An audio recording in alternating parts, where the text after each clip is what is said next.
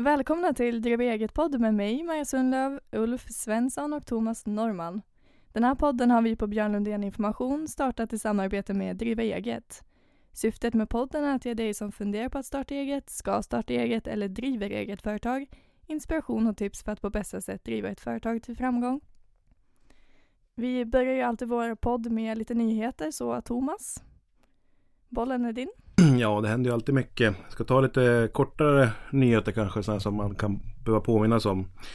Eh, till exempel så kan vi ju så här nu i juli att eh, första juni så slopades ungdomsrabatten.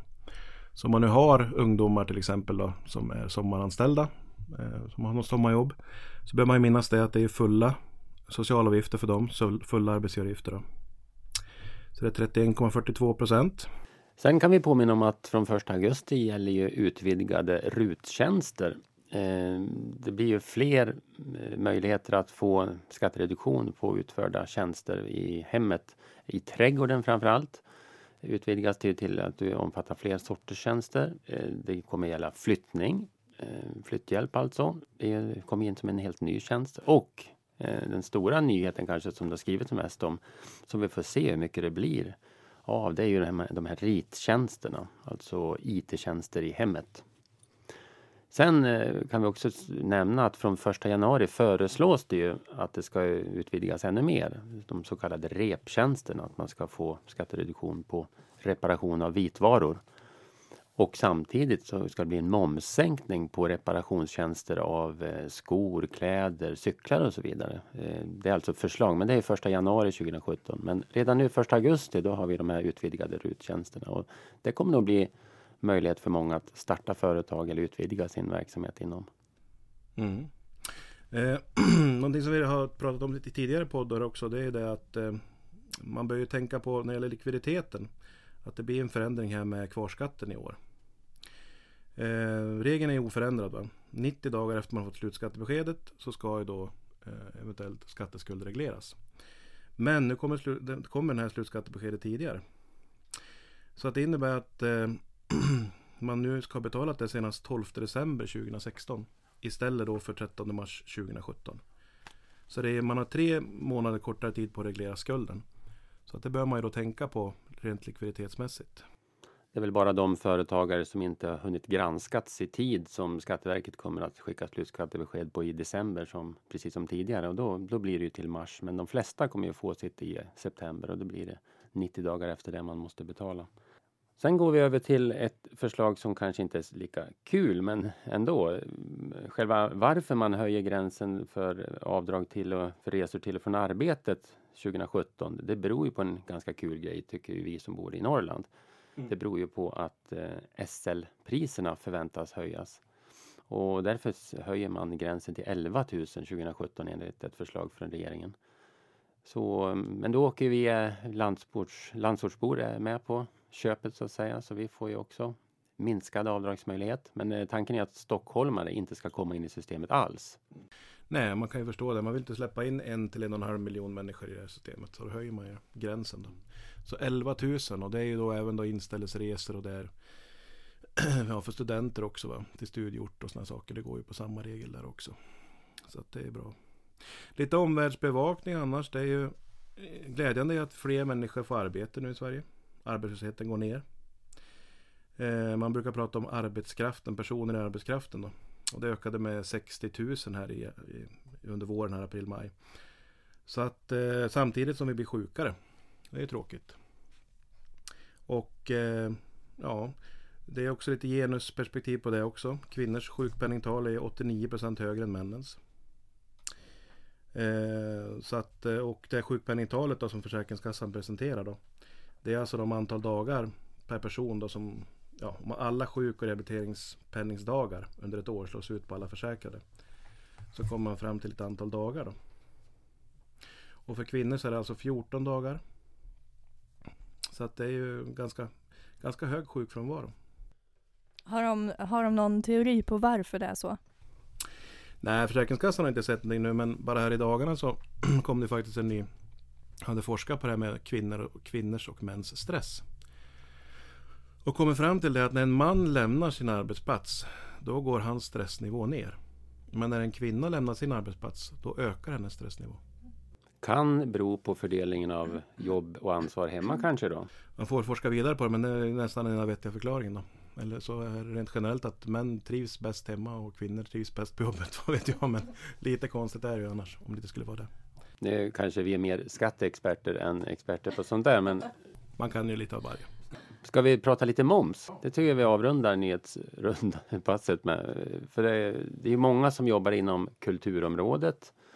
Det är ju en väldigt bred sektor. Många söker sig dit, vill jobba som artister, eh, utövande konstnärer på något sätt. Och vi har ju ett jätteintressant rättsfall om, på momsområdet från kultursektorn och det gäller discjockeys. Mm. Precis. Och frågan är liksom här, det är ju, är det här en utövande konstnärs framförande av ett upphovsrättsligt skyddat verk liksom?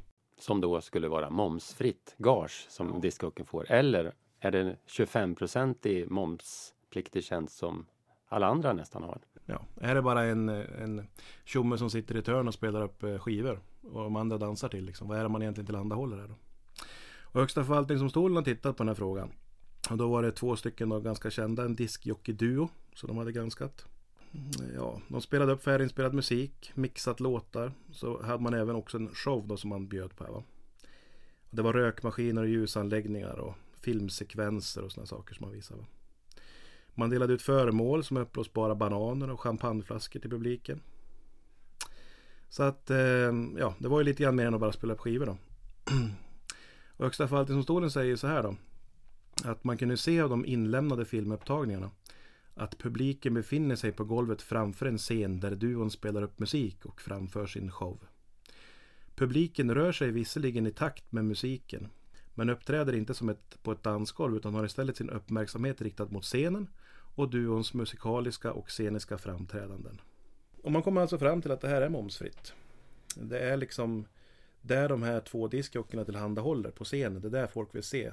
Det är liksom inte ett passivt uppspelande av inspelad musik. Så just i det här fallet så vart det momsfritt. Men att utifrån det här säga att alla discjockeys då eh, har momsfria framträdanden, det skulle jag väl inte våga säga. Nej, tvärtom är det så att de flesta discjockeys spelar musik som folk dansar till. Medan vissa har det mer som en scenshow. Mm. Men eh, det, det, visar ju hur svårt momsområdet är för eh, just på, inom kultursektorn. Och man bör ta råd och hjälp när man, innan man eh, Eh, lägger på moms eller låter bli att lägga på moms. Det får ju också effekter för den här discjockey-duon. Om de bara sysslar med den här typen av uppträdanden då kommer de inte att få lyfta någon ingående moms på sina utgifter. På sina inköp av utrustning och bananer som ska delas ut och så vidare. Man kan ju ta frågan vidare också. Inträdet för att gå in och titta på den här discjockey-duon. Det kan ju vara antingen en entréavgift som är låg moms på 6 vilket är på entréavgifter på, inom kultursektorn. Eller så är det en entréavgift för att gå och dansa och då är det 25% moms. Så arrangören måste ju också anpassa sig utifrån vad det handlar om, om det är en konsert eller om det är en danstillställning.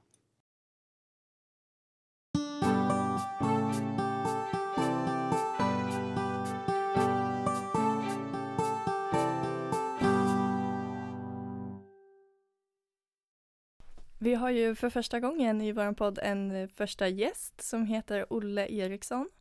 Så om du vill börja med att presentera dig själv?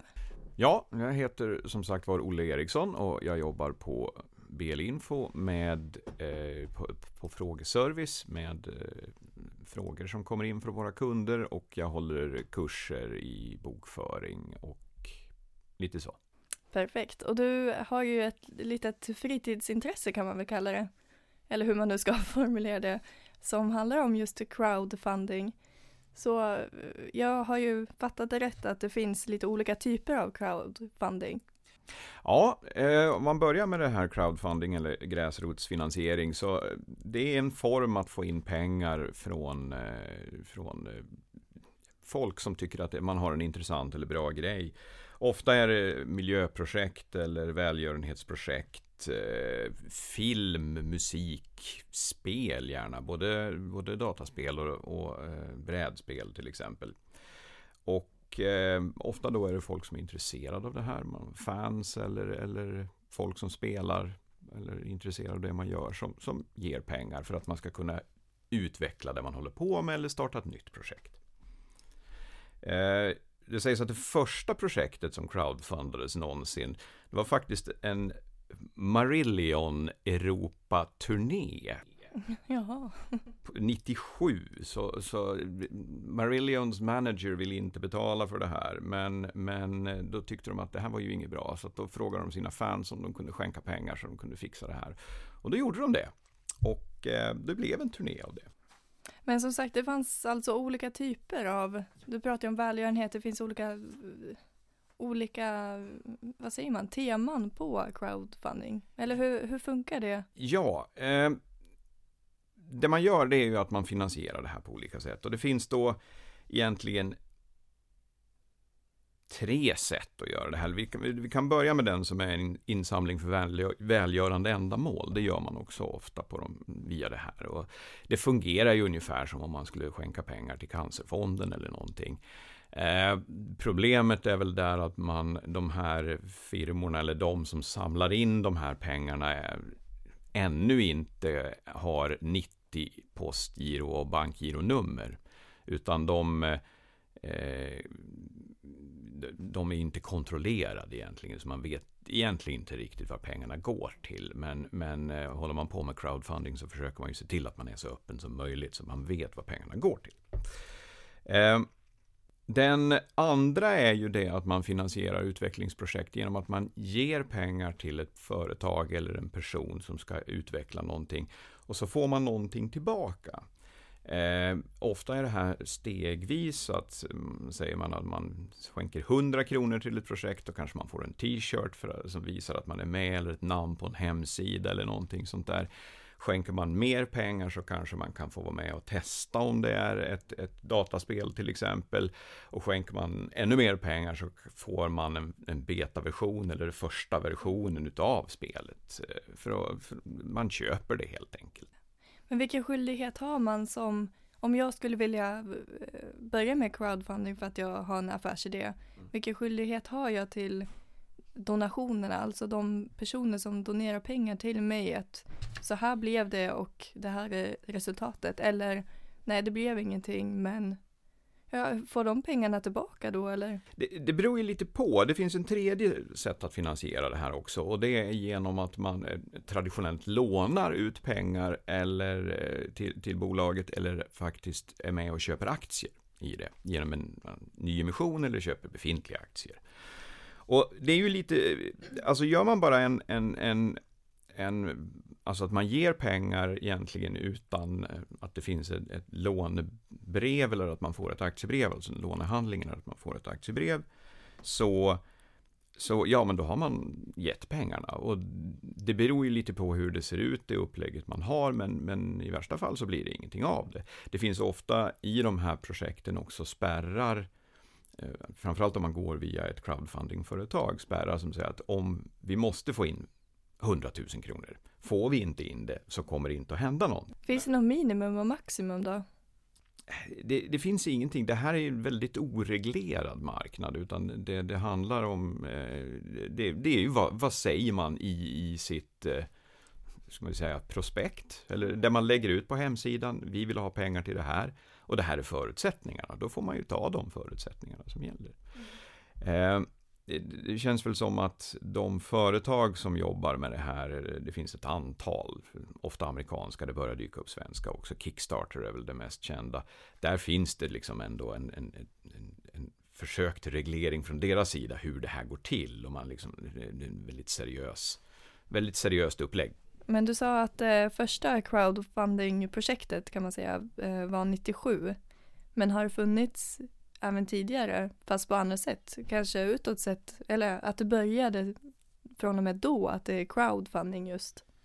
Alltså, man börjar ben, alltså benämningen crowdfunding dyker upp första gången egentligen 2006. Det som var lite unikt med den här Marillion-finansieringen eh, var det att man gick ut på internet. Eh, och en sån här eh, finansieringsform där man försöker få in så många som möjligt med små belopp eh, utan att binda sig till en, en, en, riskkapitalist eller någonting sånt där fordrar ju att man kommer ut till väldigt mycket människor väldigt snabbt. Va? Och eh, det fordras nästan internet och en, ett utbyggda sociala internetnätverk som Facebook eller, eller, eller LinkedIn eller någonting sånt för att det ska fungera. Mm. Men det är ganska, ganska nu i tiden känns det som i och med all delningsekonomi som, som dyker upp. Absolut, det, det känns som att det här, är, det, här, det här kommer bara att växa. Det, det, det här är it, det här kommer bara att växa eh, ett tag. Och sen så, och lite grann så är det ju sådär också, precis som en delningsekonomi, det är lite grann kanske uppror mot eh, etablerade finansieringsvägar, banker, riskkapital och sådana saker. Att nej, men vi, vi, vi frågar våra kompisar istället. Hur bra finansieringssätt är det här för, för en eh, person som precis har startat eget? Är det lätt, skulle du säga, att samla in pengar eller är det, är det också en utmaning? Vad är enklast så att säga? Ta ett lån på banken eller gå in på en sån här crowdfunding-sida och lägga ut sin affärsidé? Alltså, när man är nystartad, banker och, och sådana de, och andra finansieringsinstitut har ju, de är ju lite skeptiska till det när man är nystartad och inte man riktigt vet vad man håller på med.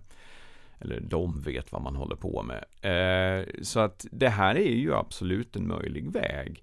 Eh, det fordrar ju dock ett, ett tämligen omfattande kontaktnät eh, och eh, jag skulle nog säga att det är bra just att gå in på någon av de här eh, firmorna som jobbar med det här, alltså de, de eh, företag som har, gör den här biten. Man får betala en del, eh, runt 5% utav det som samlas in tar de för sitt jobb. kan finnas andra avgifter och så man ska ju titta lite grann på vilka som finns och vad de tar betalt. Och sen så måste man ju få dem intresserade av det också. Det är ju lite, lite så att det ska ju, det ska finnas en tanke bakom det man gör ändå. Och eh, vissa av de här firmorna som håller på med det här är, är inriktade på vissa saker. Till exempel eh, det kan vara just IT-projekt eller det kan vara miljöprojekt som de jobbar med och då, då är det det de gör. Det finns andra som gör vad som helst och alltså vad som helst. Ja, just det.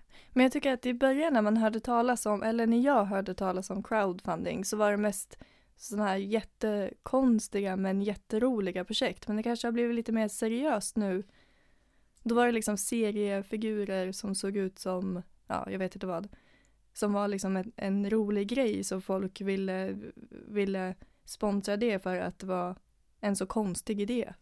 Ja, lite grann blir det ju det. Alltså det, det måste ju vara någonting som står ut. Det, det, kan ju liksom inte kanske vara, jag tänker bli snickare och, och, jag behöver pengar till det. Utan det är ju liksom, jag ska bygga väldigt vackra möbler till exempel. Eller rita serier eller bygga ett spel. Och då får man ju liksom intresse från de som är intresserade av det. Och de vill faktiskt vara med och betala för det här och kanske i slutändan köpa eller få det man producerar. Det är lite det man, man, man, man köper det här i vissa Men fall. blir inte det typ som en liten marknadsundersökning? För, för då ser man ju i alla fall ett, man ser om det väcker intresse eller inte.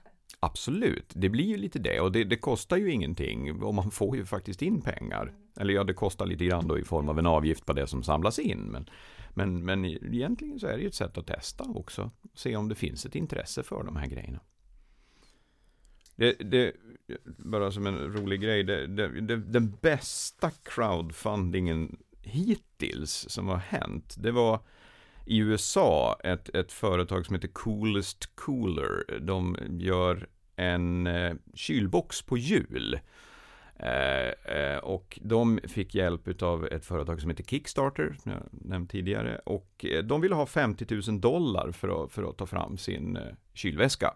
De fick 13,3 miljoner dollar. Mm. Det, det liksom, folk tyckte det här var en sån ofantligt bra grejer, så de bara kastade pengar på dem. Alltså en kylbox på hjul som man kan ha med och resa, eller hur? Liksom, ja, mycket antagligen på sådana här amerikanska sporttillställningar, eh, eller en kampar, eller en utflykt i parken, liksom, så har man med sig en kylbox med, med, med, med kylda drycker i. Det är ja, jättebra. Smart. Ja, absolut skulle man kunna tänka sig att testa det. Jag skulle, det, är, det är ett alternativ i alla fall och det funkar. Det, det, det fordrar ju att man, man har någonting som vanligt bra att sälja. Eh, någonting som står ut lite grann som, som finns. Då får vi ta och tacka Olle Eriksson för allt prat om crowdfunding. Tyckte det var jättekul att ha med en gäst. Tack så mycket. Tack så mycket.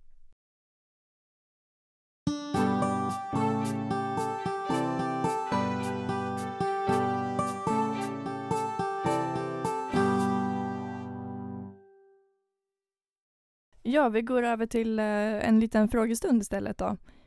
Första frågan från en eh, lyssnare. Tack för en bra podd. Jag står i groparna att starta eget och har fått mycket hjälp från era avsnitt. Min fråga är om man kan få någon eller några typer av bidrag för att starta eget? Ja, det finns ju fortfarande alltså bidrag att få via Arbetsförmedlingen, då, det man brukar kalla för starta eget-bidrag. Då. Eh, men det är svårare att få nu eh, och det är inte lika förmånligt heller som det har varit, vad jag förstår. Så själva bidragsdelen, det finns ju också finansiering man kan få om man har bra idéer liksom och vill få lån. Både för småföretagare, det finns även alltså stöd och lån till kvinnliga företagare. Och många av de där stöden de hanteras via Almi. Så där skulle jag ju tipsa om att man går in där och tittar då.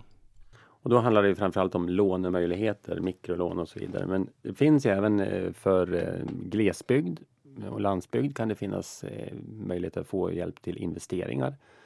Eh, och det finns eh, även möjlighet att få eh, vissa bidrag för om du har funktionsnedsättningar för att investera i utrustning. Så beroende på din situation så kan det finnas mer, men generellt och om du framförallt om du bor i, i, inte i glesbygd, då är det egentligen inga bidrag man kan få utan då handlar det om lånemöjligheter som man kan titta närmare på. Ja, Nästa fråga. Jag har startat en e-handelsbutik på sidan av mitt fasta jobb och vill inte bara sälja till kunder i Sverige utan även till kunder inom EU. Vad ska jag tänka på då med momsen och så vidare? Och då antar vi att eh, du säljer varor i e-handelsbutiken eller kan det vara eh, tjänster, nedladdningar av saker? Vi kan väl svara på båda frågorna då. Säljer man varor till andra EU-länder och köparna är privatpersoner, konsumenter, då lägger man på svensk moms. Säljer man till någon, någon som bor utanför EU, då lägger man inte på moms för då är det export som det heter. Säljer man eh, varor till någon inom EU som är ett företag som har ett vattnummer, då lägger man heller inte på moms utan då anger man, eller då, då ska man kunna ange det här vattnumret på köparen i en periodisk sammanställning och visa varför man inte har lagt på moms. Så det är klart att det är en e-handelsbutik när du säljer varor. Då måste du kunna identifiera köparen som konsument eller företag om det är inom eller utanför EU. Sen är det lite trixigt om man tänker att det är tjänster man ska ladda ner olika saker. när det är till företag så är det inga problem. Då är det ju huvudregeln för tjänster. Det vill säga om det här är en momspliktig person då. Då lägger man inte på svensk moms utan de hanterar momsen.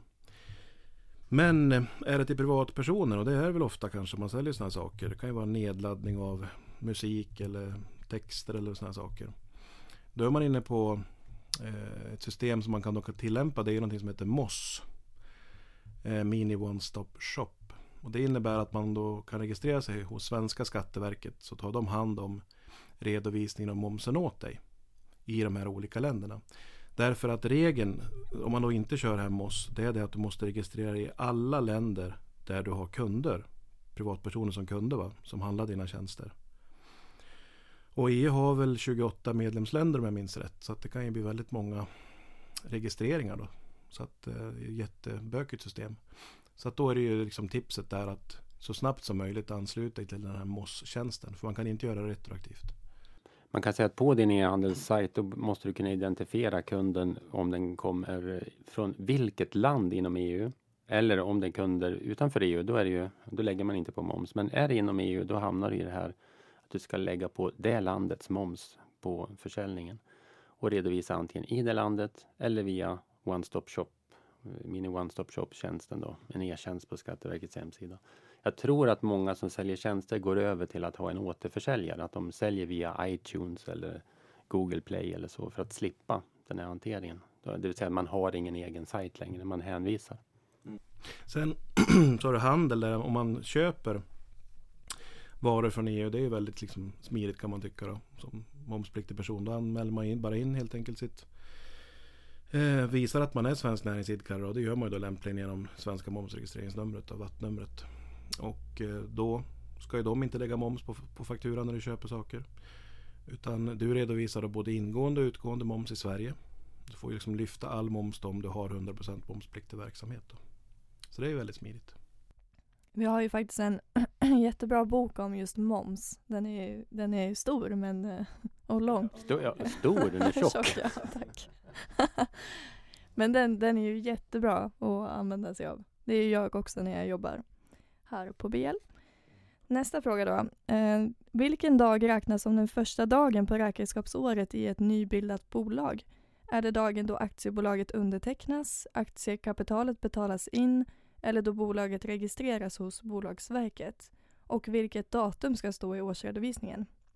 Mm, det här är intressant för själva bolaget kan man säga bildas ju när stiftelseurkunden undertecknas. Men det är en sak och det har att göra med anskaffningstidpunkt för dina aktier och så vidare. Men när det gäller räkenskaperna då är det ju bolagets registreringsdag hos Bolagsverket som man utgår ifrån. Så att det är registreringsdagen för bolaget som man ska ange i årsredovisningen. Och så sista frågan. Innan jag startade mitt företag har jag varit anställd på lite olika ställen. Hur kan jag se hur mycket pension jag hittills har tjänat in? Samlas allt på ett och samma ställe eller hur funkar det? Ja, nej, det samlas egentligen inte på ett och samma ställe. Så det är lite bökigt i grunden. Förut så fick man ju då alltså kontakta. Man fick ju kontakter av alla ja, man har varit ansluten till olika kollektivavtal. Liksom, vilka då olika pensionsförvaltare som man har haft tidigare. Va?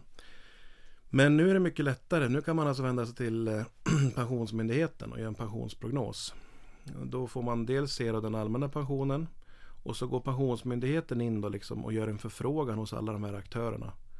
För att se hur mycket tjänstepension du har tjänat in på olika ställen. Då. Eh, jag tror jag har gjort en sån där själv bara för att kolla hur det såg ut och jag tror att det är en par, tre aktörer bara som inte kan ge besked liksom ganska omgående. Sen efter en par dagar då har du fått besked liksom. Vad finns det för tjänstepensioner som väntar på dig där ute Och dels kan du ju även testa och se eller lägga upp eh, dina uttag av de här pensionerna. Hur kommer det att slå? På de där sidorna kan man laborera lite grann och se om jag tar uttaget snabbt eller om jag sprider ut det. Och om jag ska skjuta upp det, vad som kommer att hända. Mm. Så det är ganska bra tjänster. Men eh, de flesta är ju faktiskt anslutna nu, de största. Så man får en ganska bra överblick där, eller hur? Mm.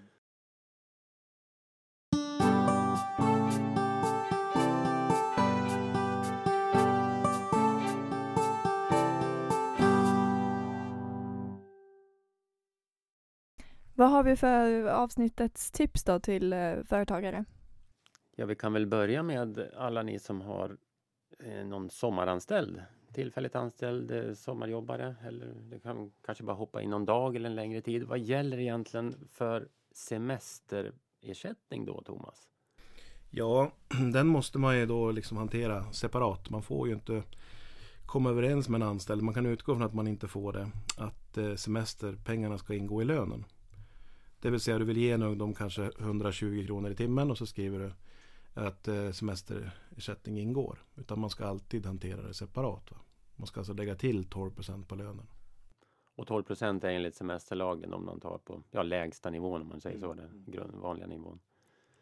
Och, eh, men när får man betala ut semesterpengar? Måste, den här, måste man ta ut det i ledighet? Det funkar väl inte om man jobbar tillfälligt på sommaren? Nej, det behöver man ju inte göra på kortare anställningar. Utan då, i regel så blir det ju så att man vet att den här personen ska sluta efter en period. Och då betalar man ut det i samband med slutlönen. Då. Men det kan ju vara att, liksom att man har många kortare anställningar hos samma arbetsgivare. Och då, sen några år tillbaka, så kan ju en anställd nu kräva liksom att få ha pengarna innestående.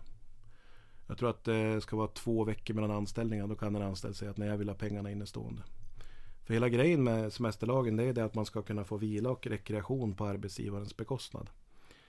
Och då ska det finnas liksom sparade pengar kvar. Så att en arbetsgivare kan betala ut till den anställde när han tar ut sin semester. Och framförallt då huvudsemestern då, som ska vara mellan juni till augusti. Men generellt en sommaranställd, då får man ut pengen när man slutar i slutet av sommaren och sen ska den vara separat hanterad så att den inte ligger inbakad i lönen utan den får ju vara på samma lönebesked men det ska vara på en egen rad så att säga.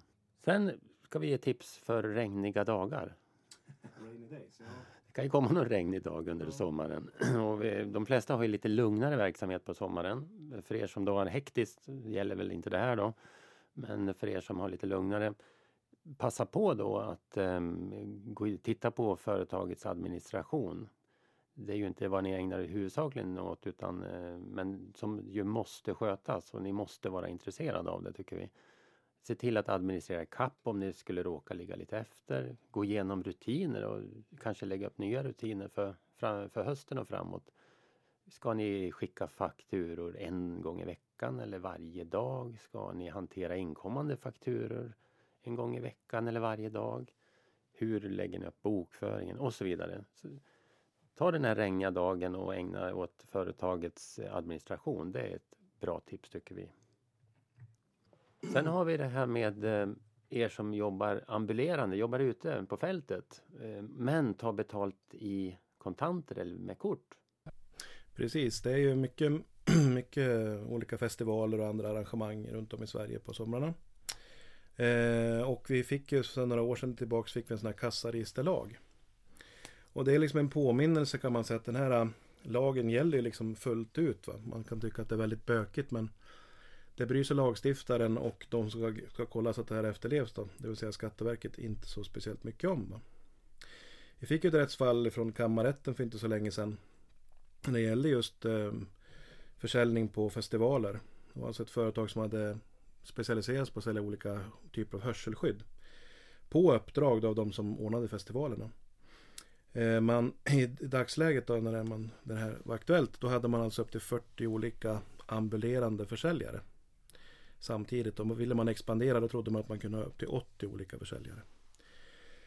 Och de här jobbade då inne på festivalen mitt omkring hade alltså ingen tillgång till ja, regnskydd, el och sådana saker. Så att de tyckte att det var ju helt barockt att man skulle kräva att de skulle ha tillgång till ett kassaregister.